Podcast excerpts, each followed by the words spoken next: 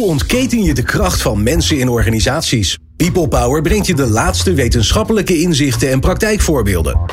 Over leiderschap en leren. Betrokkenheid en bevlogenheid. Inzetbaarheid en inclusie. Omdat mensen het verschil maken in jouw organisatie. People Power met Glen van der Burg. Strategische verandertrajecten zijn vaak groot en meeslepend. Complete structuren worden overhoop gehaald, afdelingen uit elkaar gerukt en mensen op nieuwe functies gezet. Maar gooi je daarmee niet het kind met het badwater weg? Schiet je met een kanon op een mug? Ofwel kan het niet wat meer precies? Hoe verander je een organisatie met chirurgische precisie? Welk onderzoek kun je doen voordat je gaat sleutelen aan de systemen, processen en mensen? En welke factoren bepalen dan het succes of het falen van een strategische verandering? Want we weten allemaal dat er heel veel veranderingen niet echt opleveren wat de bedoeling was. Deze aflevering van People Power maken we samen met onze partner KPMG en we hebben twee specialisten voor je uitgenodigd. Marco de Haas, oprichter van The Better Company en René de Bo is de gast en die zul je vaker gaan horen, partner bij KPMG People and Change. Fijn dat je luistert naar People Power. People Power met Glen van der Burg. René en Marco, wat leuk dat jullie er zijn. Leuk om er te zijn. Zeker. Ja, René. Dankjewel. De eerste in een lange reeks. Dus eh, ja. Leuk hoor. Al- ja? Ja. Heb je er zin in? Ja, zeker. Nou, dat is goed om te Ja. horen. Dat is goed. Daar be- daar begint alles bij. Hè? Ja. Door de mensen die vaker naar People Altijd Power leuk luisteren. om over je werk te praten. Ja, ja ik, ik, dat is wel grappig. Ik kom bijna nooit iemand tegen die hier met tegenzin over zijn werk aan het praten is. Dus blijkbaar vinden mensen hier in de studio hun werk altijd heel erg leuk. Ehm, we gaan praten over strategische veranderingen. Dat zijn in mijn hoofd dus niet iemand die een andere functie krijgt, een individu of iets wat je een beetje anders gaat doen, maar het zijn grote veranderingen. Maar laten we daar eerst een beetje kleuring aan geven. Marco, wat, wat versta jij onder een strategische verandering? Wat is er dan aan de hand? Nou, voor mij is een strategische verandering eh, het vermogen opbouwen in een organisatie om de missie, de visie, de strategie die je met elkaar voor ogen hebt, om die daadwerkelijk eh, ten uitvoer te gaan brengen. En daar is vaak al heel veel verandering voor nodig. Dus niet zozeer die strategie zelf, dat is uiteraard ook een verandering, maar dat je het met elkaar gaat doen en dat je de condities creëert om dat effectief uit te voeren. Ja. Dat is de verandering die echt En wat is dan een voorwaarde om het een strategische verandering te laten zijn en niet gewoon een verandering? Want we veranderen natuurlijk organisaties Nou, elke dag wel een beetje. Ja, het strategische voor mij zit hem denk ik in het feit dat die iedereen raakt. En dat het eh, fundamenteel is. En niet alleen voor de ene afdeling of de ene divisie, maar voor het, voor het geheel, voor het, Voor het hele bedrijf. Ja. Oké, oké. René, maar dan denk ik gelijk, eh, oh, een SAP-implementatie heeft iedereen last van. Ja, maar je is wel- geen strategische eh, verandering, toch? Nou. Dan, René? Of wel? Nou, ik herken me helemaal in de, de definitie die Marco geeft. Maar ik denk dat een, een SAP-implementatie kan wel degelijk ook een strategisch traject zijn. Dus volgens mij is een strategische verandering ook eentje die van bovenaf echt geïnitieerd is en die de hele organisatie raakt. En zo'n SAP-implementatie doe je natuurlijk met een reden. Om klantgerichter te kunnen worden, Ja. beter met je data om te kunnen gaan. Dus volgens mij gaat het over hoe zie je die implementatie van het systeem in de context van de strategie. Ja. Oké, maar dan is het een onderdeel van eh, een- alleen maar een SAP-implementatie. Dat is nog niet heel strategisch. Het gaat erom wat je ermee wil bereiken uiteindelijk, hoor ik je zeggen. Ja. Waarom... eh, Oh nee, laten we dat eerst eens even doen. Ja, dat is wel mooi. Geef eens een voorbeeld, René. En dan mag je natuurlijk het totaal anonimiseren. Eh, hè, een bank uit Amsterdam, daar zitten er heel veel, dus dan weten we niet wie het is. Maar geef eens een voorbeeld dan van een strategische verandering in een organisatie. Nou, ik vind het wel aardig dat je zei de implementatie van SAP. Hè, dus je, dus eh, de implementatie van Salesforce. Dus een organisatie maakt een nieuwe strategie. Is daar een tijd mee bezig om te kijken van welke klantsegmenten willen we bedienen. En besluit dan, we hebben een ander CRM-systeem nodig. Dan is de implementatie van een Salesforce-programma een strategische verandering. Oké, en ik hoor je eigenlijk dan al tussen de regels door zeggen: het begint ergens anders. Dus het verhaal waarom je dan iets met Salesforce wil gaan doen of met een ander CRM-systeem, dat begint eigenlijk bij het verhaal wat je ermee wil bereiken. Ja, dat begint bij wat Marco net zei, bij je strategie, bij je eh, purpose, bij wat willen wij nou eigenlijk neerzetten in, eh, in de wereld. Ja. En waarom is dat voor ons belangrijk? Wie willen we eigenlijk zijn? Marco, heb je ook een mooi voorbeeld? Nou ja, in zijn algemeenheid zie ik dat strategie en visie en hoe mooi al die plannen ook zijn, vaak helemaal niet bekend zijn in de organisatie en al helemaal niet worden geleefd. En ik denk dat daar je grootste uitdaging zit om strategisch te veranderen. Eigenlijk onafhankelijk van de inhoud van je strategie. Maar dat je eerst eens ervoor zorgt, hoe krijg ik nou al die mensen van hoog tot laag, van links tot rechts mee in welke strategische verandering dan ook. Als je dat vermogen niet weet op te bouwen, dan kan je strategisch veranderen wat je wil. Maar er gebeurt toch heel weinig. Er komt weinig van terecht. Ja. En dat kan, ja, inhoudelijk kan ik elk voorbeeld noemen. Maar het gaat erom dat je die menselijke factor weet te mobiliseren op een dusdanige manier dat er eindelijk eens een daadwerkelijk gedeeld begrip van die koers, van die visie, van die purpose gaat ontstaan. En dan ga je veranderen en dan ga je ook effectief veranderen uh, en meters maken. Ja. De meeste veranderingen leveren niet op wat ze op moeten leveren. Hè, om te zeggen dat ze mislukken of dat het, niet, dat het geen effect heeft. is dan ook weer een beetje overdreven. Maar, maar de, het, het merendeel van zeker van de, de grotere, grotere strategische veranderingen levert niet op wat van tevoren de bedoeling was. Waarom is dat zo lastig dan? Nou, wat lastig is, is dat je wat minder tijd en aandacht eh, gaat besteden aan het vormen van die strategie. En wat meer tijd aan het betrekken van de mensen in het vormen van die strategie. Dus ik zie nog heel vaak dat dat toch een tamelijk geïsoleerde activiteit is aan de top van de organisatie. En daarmee wordt een eh, hardnekkige mythe in stand gehouden, namelijk die van de brainless executor. Alsof mensen op de vloer geen hersens hebben Hmm. en alleen maar verteld hoeven te worden wat ze moeten doen. Ja, misschien heeft dat een tijdje uh, gewerkt, uh, maar niet meer in deze tijd. Uh, okay. Als jij naar je organisatie moet om te vertellen, nou, we hebben nu een strategie bedacht en we gaan hem nu lanceren, dan sta eigenlijk al 7-0 achter. Maar kennelijk heb je vanaf dat moment nog niemand erbij gehaald. Nou, ga dat nou eens leren en ontwikkelen. En dan gaat elke strategie die je bedenkt, die gaat succesvol worden. Oké. Okay. René? Nou, Wat gaat er mis? Is, is, het, is die mensfactor, uh, de, de gedachte, wij bedenken het ergens in een hokje met elkaar en we hebben er goed over nagedacht en we zijn er enthousiast over en dus worden anderen dat ook? Want het, het is een supergoed plan zie ik regelmatig. Uh, toch zie ik ook steeds meer dat organisaties mensen erbij betrekken. Maar ik denk aanvullend op wat Marco zegt, wat we ook zien, is dat je het echt als separaat uh, veranderproces ziet. Terwijl tegelijkertijd je organisatie verandert voortdurend. Dus ergens uh, is mijn pleidooi ook, zie het meer als hoe krijg je je hele organisatie voortdurend in beweging en aan het leren. En dan heb je misschien minder van die strategische programma's hmm. nodig. Want dan heb je de veranderkracht om voortdurend wendbaar bij te sturen.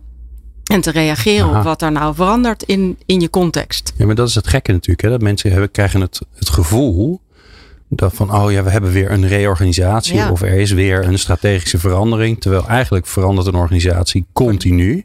Alleen er wordt, er wordt niet, niet over gecommuniceerd. Het wordt niet verteld. Het wordt niet aangekondigd. En dan ineens als er zo'n strategische verandering is, wel. Dan wordt er op de trom geslagen. Dan schiet je, schrikt iedereen. Dan denk je zo, jee, wat gebeurt er nu? Dus dat is eigenlijk heel onhandig. Je moet eigenlijk altijd dus bezig zijn met het feit. Als je, als je het gevoel hebt dat je de hele tijd aan het veranderen bent, dan is het niet erg als er een grotere verandering komt. Zou je kunnen zeggen. Klopt. En de vraag is of je het dan moet zeggen: zijn we voortdurend aan het veranderen? Of zijn we voortdurend aan het leren en ontwikkelen? En de koers uh, van onze organisatie aan het bijstellen op wat er nodig is in uh, de omgeving. Ja. En onze eigen vaardigheden, en daar gaat het volgens mij vooral ook over, hoe maak je het nou praktisch? Ja. Onze eigen vaardigheden daarop aan te passen. En wat heb ik dan te leren? Hm, klinkt ook alsof taal daar dus belangrijk in is. Dus het woord verandering gebruiken. Ik hoor jou heel bewust zeggen, we zijn aan het leren en ontwikkelen. En dat doen we elke dag. Ja, ja de taal is denk ik wel...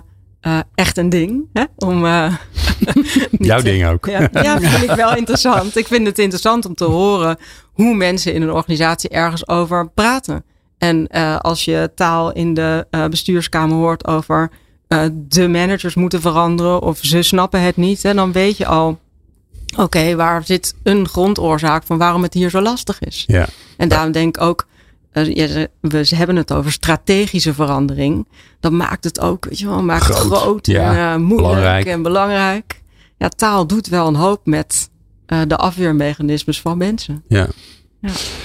Marco, nou hebben jullie uh, onderzoek gedaan naar wat dan het slagen van zo'n verandering, wat, daar, wat daar factoren in zijn. Ja. Dat is dat een beetje overzichtelijk? Kunnen we zeggen, oh, we doen even een rijtje?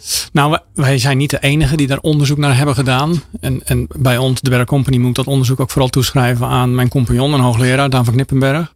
Maar we verzamelen eigenlijk het onderzoek van velen op deze planeet uh, naar dit soort mechanismen. En waar wij in de kern naar kijken, dat heet in uh, slecht Nederlands alignment. Hè? In welke mate is er nou echt een gemeenschappelijk en een gedeeld begrip van de strategische koers en de visie die, er, die eronder ligt en, en de purpose die je daarmee probeert te realiseren. Ja, staan de neuzen dezelfde staan kant de op. neuzen een beetje dezelfde kant. Zitten we Ja. met elkaar in dezelfde film? Of hebben we allemaal een ander idee? Dat, Ja. is niet echt, dat helpt niet echt om samen succesvol te worden.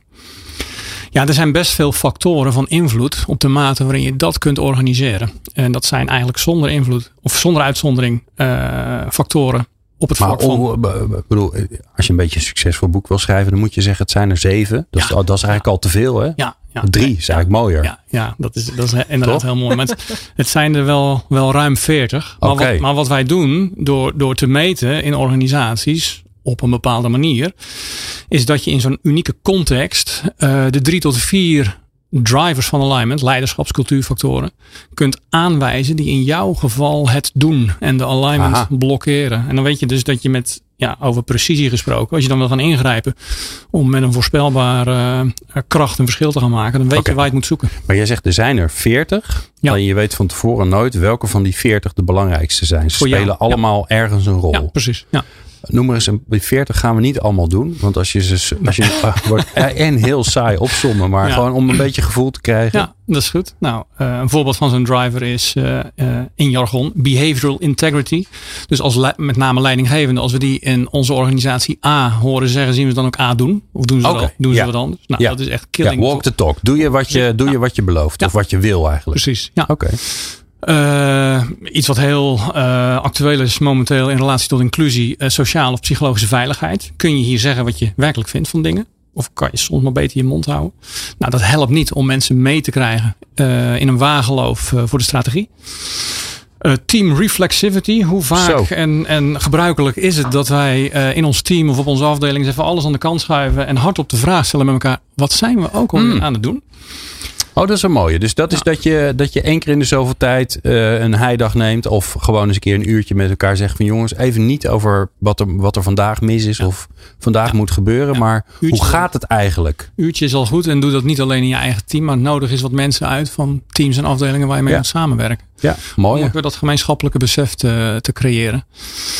Ehm, Maar dat zijn eigenlijk allemaal dingen waarvan je, waarvan je hè, st- stel je voor, ik luister naar deze aflevering. Ik sta voor een grote strategische verandering. En ik hoor je dingen zeggen waarvan, die er eigenlijk moeten zijn. Ja. In plaats van waar je, die je gaat creëren. Ja. Dat sluit aan bij wat jij zei René. Dus je, Ja, moet, je dat moet dat soort dingen al hebben. doen, dat moet je al hebben. En of daar voortdurend aandacht aan besteden. Dus denk een soort de bedding waarin je organisatie eh, goed gedijt. Ja. Nou, de grote vraag is natuurlijk, als je nu bij jezelf denkt, we hebben een probleem, want dat hebben we niet. Dan moet je vooral blijven luisteren, want daar gaan we het over hebben straks. Experts en wetenschappers over de kracht van mensen in organisaties. People Power. Marco de Haas van de Better Company en René de Bo van KPMG in de studio. We hebben het over strategische veranderingen. Ik hoorde laatst iemand, even wil ik toch nog even terugkomen. Ik hoorde laatst iemand ook en die had het over strategie. Ja, nee, ik doe, ik doe dat niet, want dat zit op tactisch niveau. Ik hou me alleen met strategische dingen bezig. En dat ik echt dacht, jeetje, praten we daar nog over, over die niveaus? Je kijkt Nee. er ook echt heel moeilijk Ja, naar, ik, ik dacht, pff, Ja. jeetje. Nou ja, ik denk, we praten er zeker nog over. Maar wat je steeds meer ziet, is dat je eigenlijk en de strategie en de operatie echt goed met elkaar moet kunnen verbinden. En dat we nu kijken naar wat zijn nou eh, visionaire executors. Maar goed, dat is ook allemaal taal, hè, wat we, waar we het eerder over hadden. Ik denk, het gaat om hoe maak je nou dingen praktisch. En je moet kunnen vertalen wat die strategie betekent voor de mensen op de werkvloer, in de, eh, in de banken, in de winkels. Dus maak het concreet, stroop Ja. je mouwen op en werk met elkaar aan hoe krijgen we dit nou samen voor elkaar. Ja, ja dat, dat Undercover Boss is nog helemaal niet zo'n gek Nee, idee, hè? Om gewoon een beetje mee te draaien. programma, Ja. ja. Alright. Eh, Marco. 40 van die mooie, ik zie ze voor me, hè? een hele stapel, hele bak met allemaal eh, mooie, ehm, eh, hoe noem je ze eigenlijk? drivers. Drivers, drivers, drivers for change. Die, ehm, die heb je allemaal. Hoe, hoe, hoe kan je nou als organisatie bepalen waar het voor jou zit? Want om nou op al die 40 borden te gaan schaken, dat is natuurlijk het mooiste wat je kan hebben. Hè? Maar dat is best wel moeilijk. Nou ja, dat doe je dus door te meten. Eh, want wij komen ook niet binnen om te vertellen, een soort goeroe van nou, we hebben hier eens even rondgesnuffeld. Deze drie of vier, eh, daar moet je aan gaan werken. Nee, wij weten het ook niet. Het enige wat we wel weten is wat we hebben te meten. Dat gaan we dan doen. Eh, en dan eh, gaan we data-analytisch vaststellen eh, welke patronen we herkennen. En wat de uitkomstvariabele blijkt te verklaren in jouw krijgen, krijgen mensen een appje waar ze dingen invullen? Krijgen ze, moeten ze een questionnaire invullen? Hoe Ja ziet dat, eruit? ja, dat neemt inderdaad de vorm aan van een survey. Dat is de manier van data collecteren. En die, ja, eigenlijk bijna zonder uitzondering zetten we dat uit in de volle breedte en diepte van de organisatie. Want hoe meer, hoe meer data, hoe betrouwbaarder de bevinding. En mensen vinden het ook echt leuk om mee te doen, want het gaat over de strategie. Hè? De vraag wordt kennelijk niet elke dag gesteld van wat vind jij eigenlijk van de strategie? Nou, wij stellen hem wel en heel precies. Uh, en tegelijkertijd uh, stellen we vragen over die, uh, die leiderschaps- en die cultuurfactoren. Om achteraf vast te kunnen stellen, nou in dit geval, als we de alignment met een voorspelbare kracht willen kunnen verbeteren. Hier moet je zoeken. Deze drie, vier factoren, die doen het. Ja, dus je vraagt enerzijds aan welke kant gaan we eigenlijk op? Even in normale mensentaal. Daarmee kun je zien, is dat zit dat in de buurt van de kant waar ik op wil. Dat is wel handig. Ja. Als het niet zo is, ben je niet aligned, simpel gezegd. En je vraagt ook uh, die cultuur- en die leiderschapseffecten. Dat zijn eigenlijk die 40, Precies. Die 40 uh, drivers. Die breng je in kaart. Precies. Wat ik altijd zo spannend vind bij dit soort dingen is... Kunnen mensen dat Ehm, er zit natuurlijk heel veel perceptie in. Er zit natuurlijk heel veel uh, gewenst gedrag. Nou, al dat soort dingen, uh, gewenste antwoorden, zitten daar, zit, daar heb je allemaal mee te maken. Hoe zorg je er nou voor dat het betrouwbaar is wat je terugkrijgt van mensen? Nou, dat uh, doen wij in ons geval door alleen maar gebruik te maken van wetenschappelijk gevalideerde meetschalen. Dus het voorbeeld van die sociale veiligheid. Nou, dat is eh, van mevrouw Amy Edmondson, Harvard. Ja, die heeft een, ja. uh, een schaaltje ontwikkeld. Er staan zes uh, stellingen op. Als je die in je survey stopt, dan meet je, okay. dan meet je die veiligheid en niet iets anders. En dat is gevalideerd. Dus er is ook in de ontwikkeling van die schaal rekening gehouden met sociale wenselijkheid. Ja. Dat is heel belangrijk, want ja, als het niet betrouwbaar is wat je allemaal verzamelt, garbage in, garbage out, dan kan je hele foute conclusies trekken. Nee, want eigenlijk, jullie, jullie met dat onderzoek zorgen jullie ervoor dat je kunt pinpointen, dat je precies kunt zien, oké, okay, daar zitten, daar moeten we onze energie op gaan richten. Ja. En dat betekent dus ook op al die anderen dus niet. Nee. Precies. Maar dan moet je wel, hè, als jullie zeggen daar moet je berichten, dan moet je wel ja, raakschieten. Dan moet je zeker raakschieten. En dan moet je vooral daarna een passende interventiestrategie. En daarom is denk ik de interactie met, uh, met René en haar specialisme zo mooi. Ja. Kijk, van meten alleen wordt de patiënt niet beter. Je moet na de diagnose moet je wel ja. ingrijpen. Ja, dus jij bent de radioloog. Ja. Ja. ja, ze komen bij jou langs en dan maak jij foto's ja. en jij kijkt wat er aan de hand is. Of jij kijkt eigenlijk niet helemaal niet wat er aan de hand is. Je kijkt gewoon hoe het, hoe, de, hoe het met de patiënt is. Ja, en die patiënt die kan alleen maar beter worden. Hè? Het, Ja. Ik bedoel, het is niet slecht of fout wat we aantreffen. Het is wat het is. Uh, meestal is de alignment ver te zoeken. Niemand heeft dat bewust ontworpen. Maar het is één groot potentieel om het beter te maken. En we laten je precies zien waar je het moet zoeken. Nou, Maar dit is wel interessant en meestal is die ver te zoeken. Ja. Dat is wel Ja. ernstig. Ja, ja dat, is, dat is echt wel. de- we, we zijn sinds 2010 zijn we, zijn we bezig. Toen zijn we begonnen als een valorisatie-initiatief van de Erasmus Universiteit. 2018 verzelfstandigd. Nou, we hebben al zoveel metingen gedaan, maar de rode draad is echt strategie. Al die geweldig mooie verhalen. In al die geweldig mooie bedrijven en organisaties. Het is één grote onbekende. Niemand kent het, laat staan. Snap het. En al helemaal niet op de bedoelde manier. En kun moet- je daarmee dan ook zeggen dat het effect gewoon zeer beperkt is? Ja, wat je de- uiteindelijk, uiteindelijk de waarde die uit al die strategieën werkelijk wordt gegenereerd. Ik denk dat het een, een schrale afspiegeling is van wat, wat je er echt uit zou kunnen halen. Dat is wel, eh, dat is nogal wat. Ja. René, hoeveel strategieën heb jij gemaakt in je, in je loopbaan tot nu toe? Ik, ben er niet zo ik, van? help, ik help vooral organisaties Precies. die strategieën van papier naar praktijk brengen. Ja. En, Dus daar ligt jouw energie ook meer. ja, Ja. ja. Ja, nee, Maar- maar je zal niet meer aan het luisteren zijn en strategisch consultant zijn. Dan, dan heb je toch wel eh, als vakgebied wel. Nou ja, aan de andere kant kun je ook zeggen. het- We maken een strategie en wat, ze, wat daarna een bedrijf ermee doet, dat is een. eh, Nou ja, volgens mij is het hen. maken van de strategie niet verkeerd. Maar het gaat volgens mij over het proces hoe je dat doet. Precies. En hoe je mensen betrekt. En hoe je eigenlijk eh, verbinding maakt tussen het bedenken van de strategie.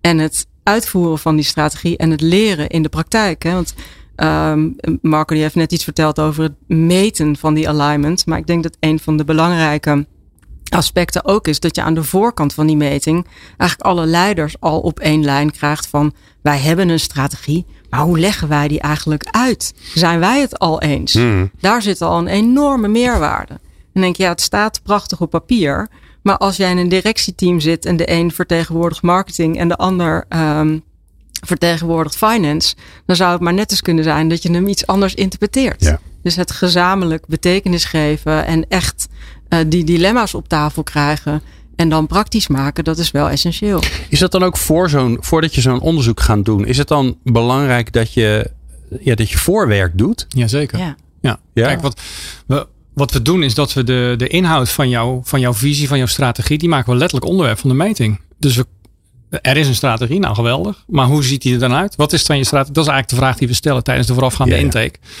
Kom maar op met die strategie van je. Want dan gieten wij hem in die mal van ons meetinstrument. En dan gaan we ook echt meten aan alignment van jouw mensen met jouw strategie. Dus we meten niet aan Ja. iets algemeens of iets generieks. Maar, maar Marco, dan zegt een klant, nou, dit is prima. Die zit, ligt hier in de la, alsjeblieft. Dit Ja, is hem. ja.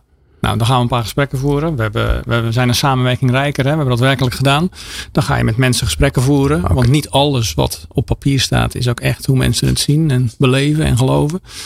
Dus we spreken ook graag een aantal mensen. Ja, en dan is die rijkdom vaak wat breder en wat groter. En dat vangen we en dat maken we onderdeel van de meting. En dan kan iedereen eh, door mee te doen eh, aangeven van hey, zo zie ik het. Ja. En dan zien we zelfs dat in het hoogste directieteam vaak de meningen nogal eens behoorlijk uit elkaar staan. Nee, dat, dat, dat zat ik te denken. Dat eigenlijk de, de voorbereiding voor het onderzoek is eigenlijk die eerste interventie al, toch René? Absoluut. Ja. Ja. Dat daar, daar begint eigenlijk de leiderschapsontwikkeling. Want ze zeggen van ja, als wij, en dat heb ik echt van Marco geleerd, als je aan de top eh, geen alignment hebt en daar heel een beetje eh, licht tussen de verschillende perspectieven komt, dan krijg je een lasershow op de werkvloer. Nou, dat, die metafoor, die, Ja. die vind ik altijd zo sterk. Want Ja. ja. Ja. je ziet het gewoon gebeuren. En wij zien dat in de data. Hè? Dus als we inderdaad aan de bovenkant al wat disalignment zien, nou, dat vergroot zich enorm door. Oké. Het trickle-down effect van alignment. Ja, ja, dus ja, oh, wel grappig. Ja, want datgene wat je voor elkaar wil krijgen, hè, de strategie langzaamaan de organisatie in laten sijpelen. Ja. Maar dat gebeurt dus eigenlijk tegenovergesteld twee keer zo hard als het niet Ja. klopt. Ja, ja, die disalignment die trickelt ook down hoor. Ja. Wat voor effect heeft dat eigenlijk op mensen? Nou ja, Want als je de ene, de ene hoor je A zeggen en de ander B, dan eh, ja. verwarring. zeg- Ja, en dan? Nou, dan ga je het maar zelf bedenken. Maar de Ah. kans dat jij en ik hetzelfde bedenken, die is, dat, dat is natuurlijk nul. Ja, ja. Dus dan gaat iedereen zijn eigen strategie eh, volgen. En eh, ja, dat is wat je echt niet wil. Want dan roei je allemaal een andere kant op. Ja. En als iets niet helpt om samen succesvol te worden, dan is dat het. Hm. Dus, dus bedenk een koers en vooral ga het gewoon doen. En haal iedereen erbij. Want anders heb je geen strategie. De strategie die niet wordt uitgevoerd, die kan je toch geen strategie noemen? Dat is een hallucinatie, dat is helemaal niks. Maar jullie moeten me even helpen. Aan de top van veel organisaties zitten hartstikke capabele, slimme, intelligente, eh, door de wol geverfde mensen. Dit is geen rocket science, toch? Bedoel, het is niet zo dat, dat onze luisteraars nu van een stoel vallen en denken: Oh, we moeten communiceren erover. En het moet wel ongeveer hetzelfde verhaal zijn. Nee, maar wacht even. Communiceren, kijk, dat is een soort, wordt gezien als een soort silver bullet. Dat het met communiceren, we gaan het nog een keer vertellen. Kijk, als er geen veiligheid is en die behavioral integrity, die is er niet. En mensen identificeren zich niet met grotere, et cetera. Als die drivers er niet zijn en jij gaat communiceren, nou, dan kan je lullen wat je wil. Oké. Het verhaal komt nooit aan. Oké. Aha. Het is wel heel simpel, maar niet eenvoudig. Dat is, Ja. eh, Ja, ja, ja. ja. Ja, het, is, het, het zit niet ingewikkeld in elkaar, maar het is wel moeilijk om het te doen. het is wel moeilijk. Ja. Hmm, ja, oké. Nou, waar we lang met elkaar over gaan praten, wat mij betreft, is hoe dan? Dat hoor je zo. Hoe ontketen je de kracht van mensen in organisaties? People Power. In de studio Marco de Haas, Better de Better Company moet ik zeggen, want anders dan kom je niet goed uit. Dus je gaat googlen. En René de Bo van KPMG, nou, die kennen we allemaal, dat scheelt weer. Oké, ik doe even een, een hele korte samenvatting, zodat we weten waar we staan. 40 drivers om ervoor te zorgen dat jouw strategische, whatever that may be, maar je, je belangrijke verandering die je voor elkaar wil krijgen, de richting die je op wil, dat die succesvol gaat worden. Hè? Dus dat je beweging creëert. Dat je klanten er uiteindelijk iets van gaan merken. Ik zou zeggen, dat is misschien wel het belangrijkste wat er moet gebeuren. Dat zijn er 40. Je hebt onderzoek gedaan. Je weet waar je, waar je ongeveer op in moet zetten. En dan? Dan komt René. Nou, dan Toch? komen we samen. Oh, je komen samen. samen ja. Oké. Ja. in eerste instantie. Want dan gaat het over het duiden van die eh, resultaten en het in gesprek gaan van wat is hier nu eigenlijk aan de hand. En Hmm. eh, vooral zorgen dat de alignment in de top gewoon ontzettend goed is. En eh, de dialoog aangaan in de organisatie en de vertaling maken van wat betekent dit nu eigenlijk en hoe kunnen we op het laagste niveau in ons werk dit verbeteren met elkaar. En nou kan ik me voorstellen, hè, want eh, een van de conclusies die ik heb getrokken, eigenlijk kom je er waarschijnlijk door dit onderzoek achter dat je sommige, ehm, ja, sommige dingen die je doet in de organisatie, sommige uh, practices die je moet hebben, dat je die niet voor elkaar hebt. Hè? Bijvoorbeeld die, dat ze nu in, uh, in elk team om de zoveel tijd even reflecteren op zijn we nog wel de goede dingen aan het doen en, en wat vinden we belangrijk en welke kant gaan we op. Dat is best wel heftig als je daarachter komt. Dat er inderdaad drie, van de, drie, vier van dat soort dingen niet kloppen. Dat, dat, het klinkt tenminste moet maar even helpen René. Mm Het klinkt anders dan dat je zegt, oké, we gaan een strategische verandering doen. Hartstikke goed. Nou, wat gaan we doen? Nou, we moeten de communicatie goed inrichten. We gaan mensen mee laten denken. Natuurlijk, hè. we hebben het eigenlijk al bedacht, maar we gaan ze toch nog even mee laten denken. We gaan ze betekenis laten geven. Hè. Je kunt natuurlijk van alles nog wat programmatisch doen. Maar hier kom je er eens achter. Er zijn gewoon fundamenteel dingen in de organisatie die je eigenlijk mist ja, mist of onvoldoende aandacht geeft. Oké. En uh, dus wat Marco zei ook net van, eh, kijk er nou naar zonder oordeel. Nou, fundamenteel mist. Nee, we gaan het gewoon opnieuw ja, introduceren en dat aanleren. Hoe dan, hoe dan wel? Oké, maar stel je voor, dat komt uit, hè, want we kunnen ze niet alle 40 pakken, maar dat, dat reflectievermogen van zo'n team vind ik wel mooi. Want ik denk dat er heel veel teams dat herkennen in de, in de drukte van alle dag. Het gebeurt gewoon niet. hoe pak je dat dan aan?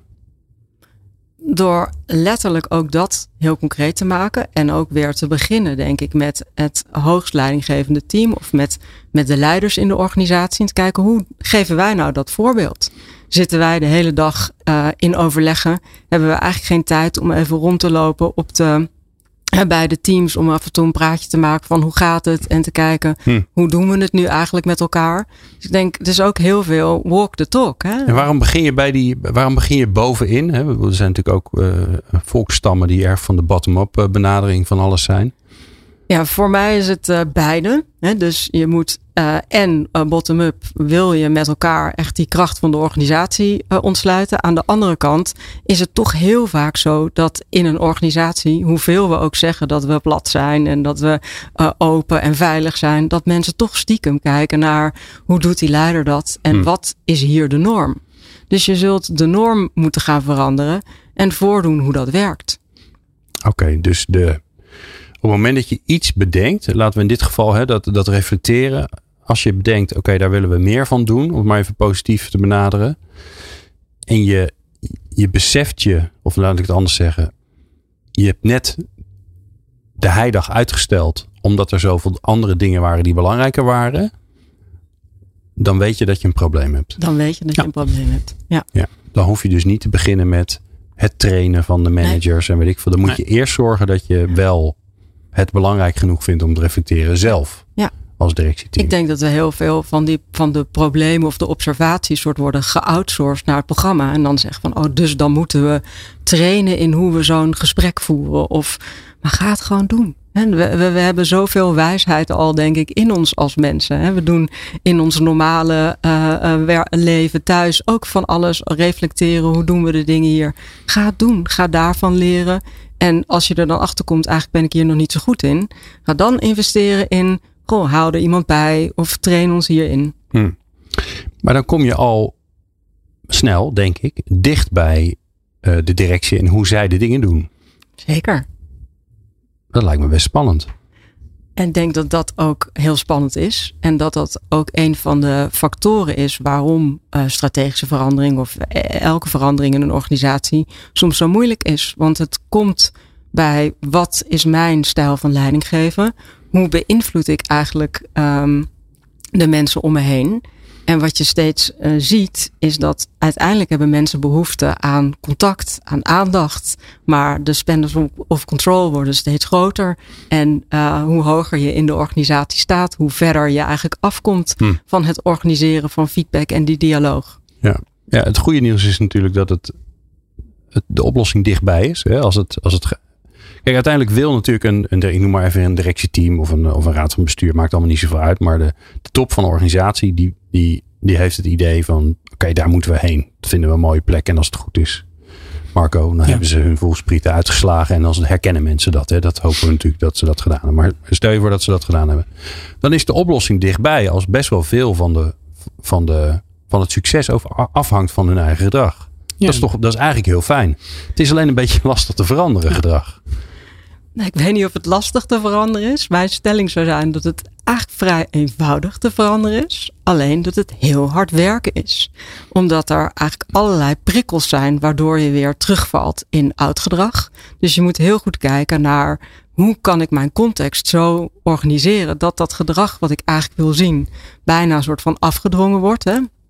Denk aan de, de verkeersdrempels in de, in de woonwijken, waardoor je dat bordje 30 stond er al de hele tijd, maar door die drempel kan je ook niet harder. Ja. En dus uh, uh, zorg dat er tijd voor reflectie is ingepland en maak dat routines. Dus ik denk dat organisatieverandering ook veel meer gaat over wat weten we nou van gedragsverandering van de menselijke psyche.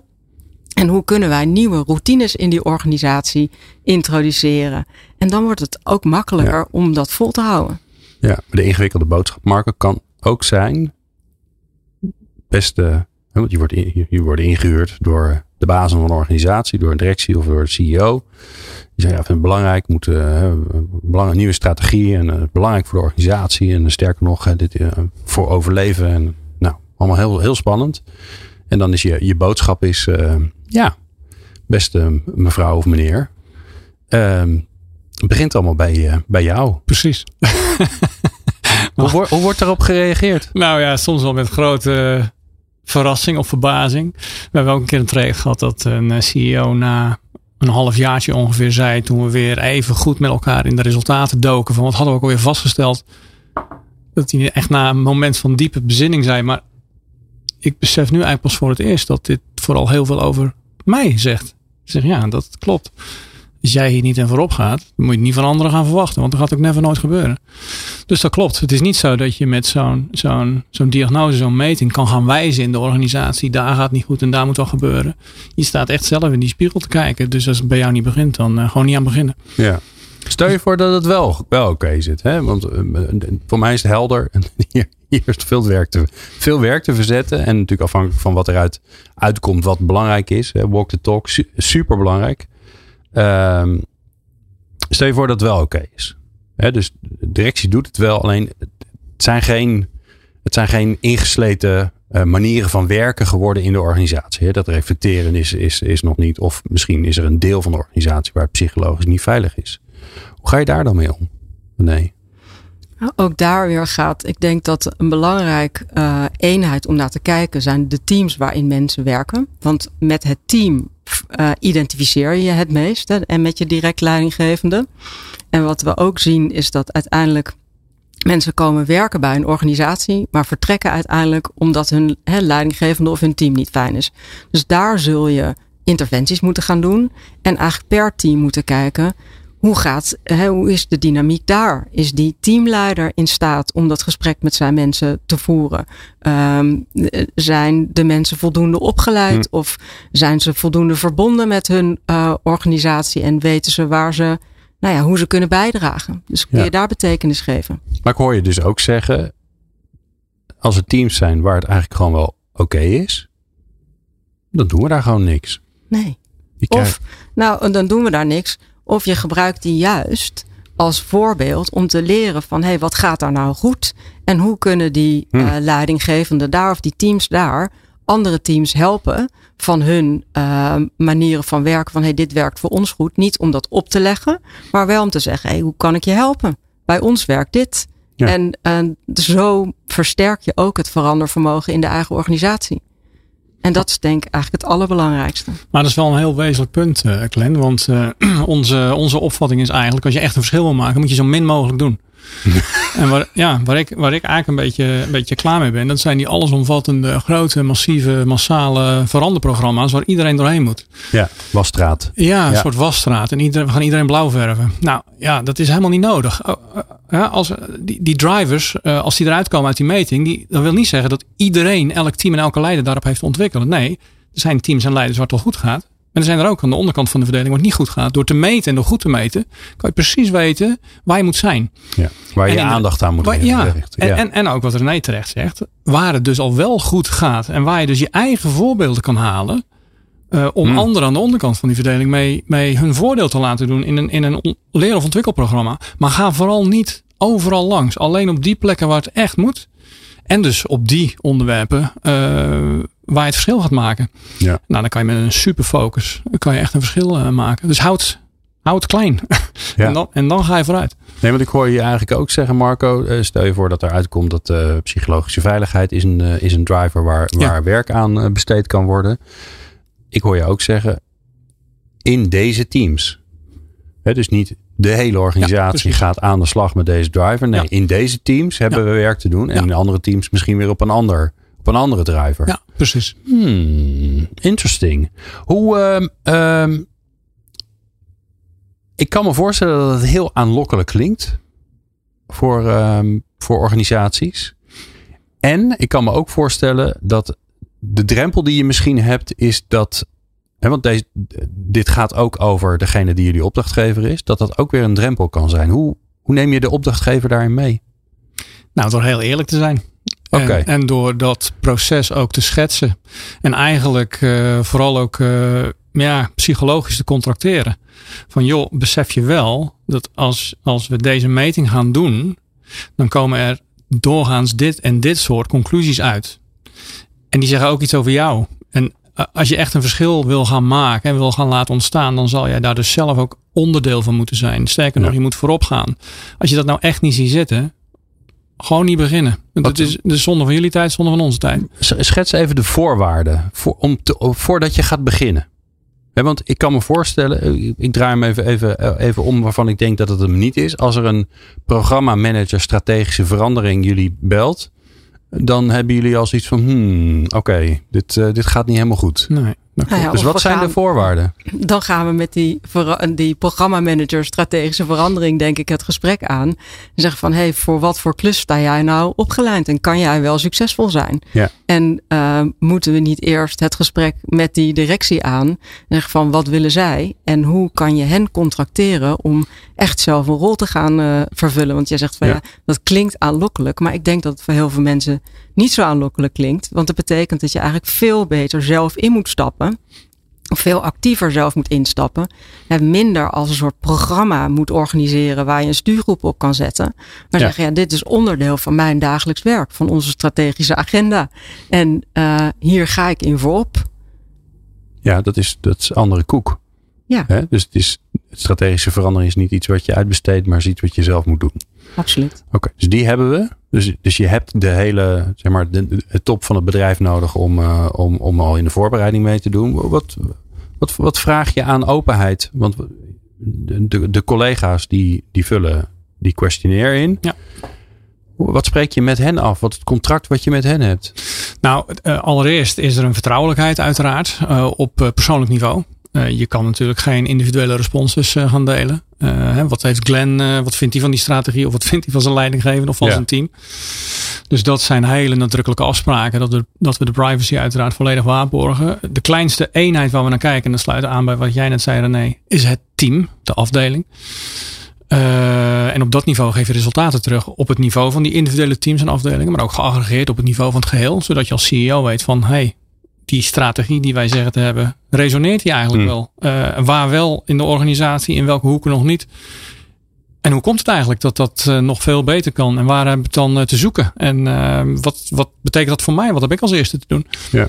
Dus daar maak je wel hele duidelijke afspraken over wat je wel aan informatie geeft en wat niet. Want de, de privacy van de deelnemer, van de medewerker, de individuele medewerker, Ja. moet Anders wordt over veiligheid Ja, gesproken. nee, want Anders je wil natuurlijk een zo hoog mogelijk respons ja, hebben. Ja.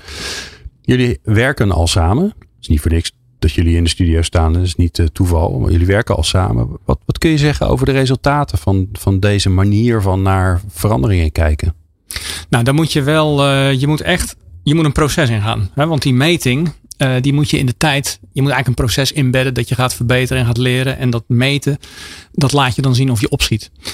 En eh, dat opschieten, dat doe je door eh, gerichte interventies te bedenken en uit te voeren die dus passen bij de diagnose die je hebt gesteld. Ja. Dus eh, niet zomaar iets doen, maar echt op basis van eh, ja, bevind van zaken. Dit komt uit die meting en dan ingrijpen. En dan zie je ook dat je alignment gewoon kunt doen verbeteren. Dat er teams zijn die beter zijn aangesloten op de strategie. Ook beter gaan presteren. Eh, dus dat is gewoon, ja, het is gewoon een maakbaar ding. Ja. En dat weten we eigenlijk al lang. Hè, want we weten, er is heel veel wetenschap op dit vlak tot onze beschikking. En gewoon die wetenschap poorten naar zo'n bedrijf, naar zo'n organisatie. En daarin je voordeel doen met die kennis. Gewoon door het te doen. Het is in die zin net strategie. Just do it. Ja. Geldt ook hier. Als je het dan gaat doen, dan ja, evidence-based. Ben je aan het werk. Dus dan gaat het verschil gaat gewoon komen. Ja. En dan gaat het Ja, dan gaat het. beter met je organisatie. Be- en met je mensen. Want daar zijn we natuurlijk hier voor met People Power. Nou, de cirkel is rond. Bijna rond. Ehm, René, onze luisteraar heeft geluisterd. Dank daarvoor natuurlijk. Ehm, lieve luisteraar. En die denkt nu... Ik, ik was aan het beginnen of ik zit er middenin of ik heb het net gehad en het ging niet helemaal zoals we wilden. Wat kunnen ze behalve natuurlijk jullie inhuren en het helemaal eh, hè, laten helpen? Wat, maar wat kan je al in ieder geval praktisch doen? Ik denk dat het begint bij als je het gevoel hebt van eigenlijk heeft dit bij ons niet gewerkt. Dat je eens gaat reflecteren, weer over reflectie gesproken. Waarom dan niet? Hè, het, het onderzoeken van de grondoorzaak, wat ging hier eigenlijk mis? En dan kijken wat is een heel klein stapje wat ik beter kan doen.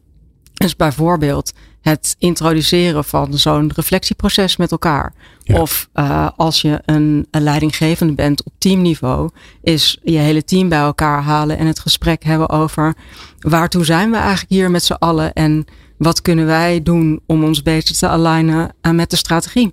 Ja. ja, en meer communiceren hoor je altijd iedereen zeggen. Meer communiceren.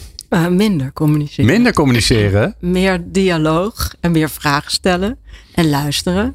En communiceren is zo'n containerbegrip van uh, we maken in het programma van de strategische verandering ook nog een nieuwsbrief. Ja, en we of, doen een, een, of een podcast hè? hè, ja. tegenwoordig. Ja, podcast. Maar, ja, zeker. maar ja, heel, um, werkt heel goed trouwens. Vragen stellen, uh, je oor te luisteren leggen en dan uh, ook echt iets willen doen met wat je hoort. En een soort de, een nederigheid naar wat er dan tot je komt. Precies. Mooi. Niet ik weet het wel, maar Marco, ik kan me ook voorstellen dat er wat kleinere organisaties luisteren, maar die wel groot genoeg zijn omdat verandering lastig is. Zijn die, die, die 40 drivers, staan die ergens? Want ik kan me heel goed voorstellen dat als je daar doorheen leest, dat je als uh, directeur van een MKB-bedrijf denkt: ja, ik zie het al. Ik weet wel wat, uh, waar het bij ons aan schort. Ja. Ja, daar kunnen we je heel veel over vertellen. Als je het interessant vindt, dan kun je ze allemaal raadplegen. En er is wij, niks, het is helemaal niet geheim. Wat wij doen is gewoon wat de wetenschap al heeft laten zien. Samen. Ja, maar jullie hebben ze heel mooi bij elkaar ja. gebracht natuurlijk. Ja, precies. Wordt niet tijd voor een boek? Nou, als we daar een keer de tijd voor hebben, ja. dan gaan we zeker een boek schrijven. Beginnen met een podcast. Ja. Maar het is inderdaad waar wat je zegt. Als je, als je ze ziet, by the way, dat geldt voor, die, voor alle 40. Als je ze alle 40 laat zien, hé, hey, maar dat speelt bij ons. Dit zou ook wel eens kunnen spelen. Ja. En dat is dan link. Hè? Want voor je het weet heb je een veranderprogramma op je schouder wat zo groot is. Maar wat we ook doen door heel vaak te meten, zijn er usual suspects die elke keer weer terugkomen. Dus er begint, begint een soort kerngroepje te ontstaan. En met name voor kleinere bedrijven. Zouden kunnen zeggen, nou weet je wat, dat, dat op, op de maat snijden van, die, van dat deel van die. We pakken gewoon die vijf, zes die we steeds. Dus dan kunnen we in jouw organisatie kunnen we dat veel makkelijker ja, ja. dat meten. Ja, en dan heb je ja. minder vragen nodig. Ja, ja precies. Okay. Ja. Interessant. Nou, meer informatie kun je natuurlijk vinden via onze show notes. Um, uh, super interessant, want veranderen valt niet mee voor al onze luisteraars. Ik dank jullie zeer. Uh, Mark de Haas, oprichter van The Better Company. En René de Bo, partner bij KPMG People Change. Fijn dat jullie er waren. En jij natuurlijk, dankjewel voor het luisteren. We vonden het bijzonder fijn dat je weer hebt geluisterd. Meer valt er natuurlijk te luisteren via de bekende kanalen. En zeker uh, als je niks wil missen, dan uh, kun je je abonneren via onze WhatsApp service. Daar vind je alles over op onze website peoplepower.radio. Maar je kunt natuurlijk ook gewoon via je podcast app even op het plusje drukken. Dankjewel. Meer luisteren? Ga naar peoplepower.radio en abonneer je op onze podcast.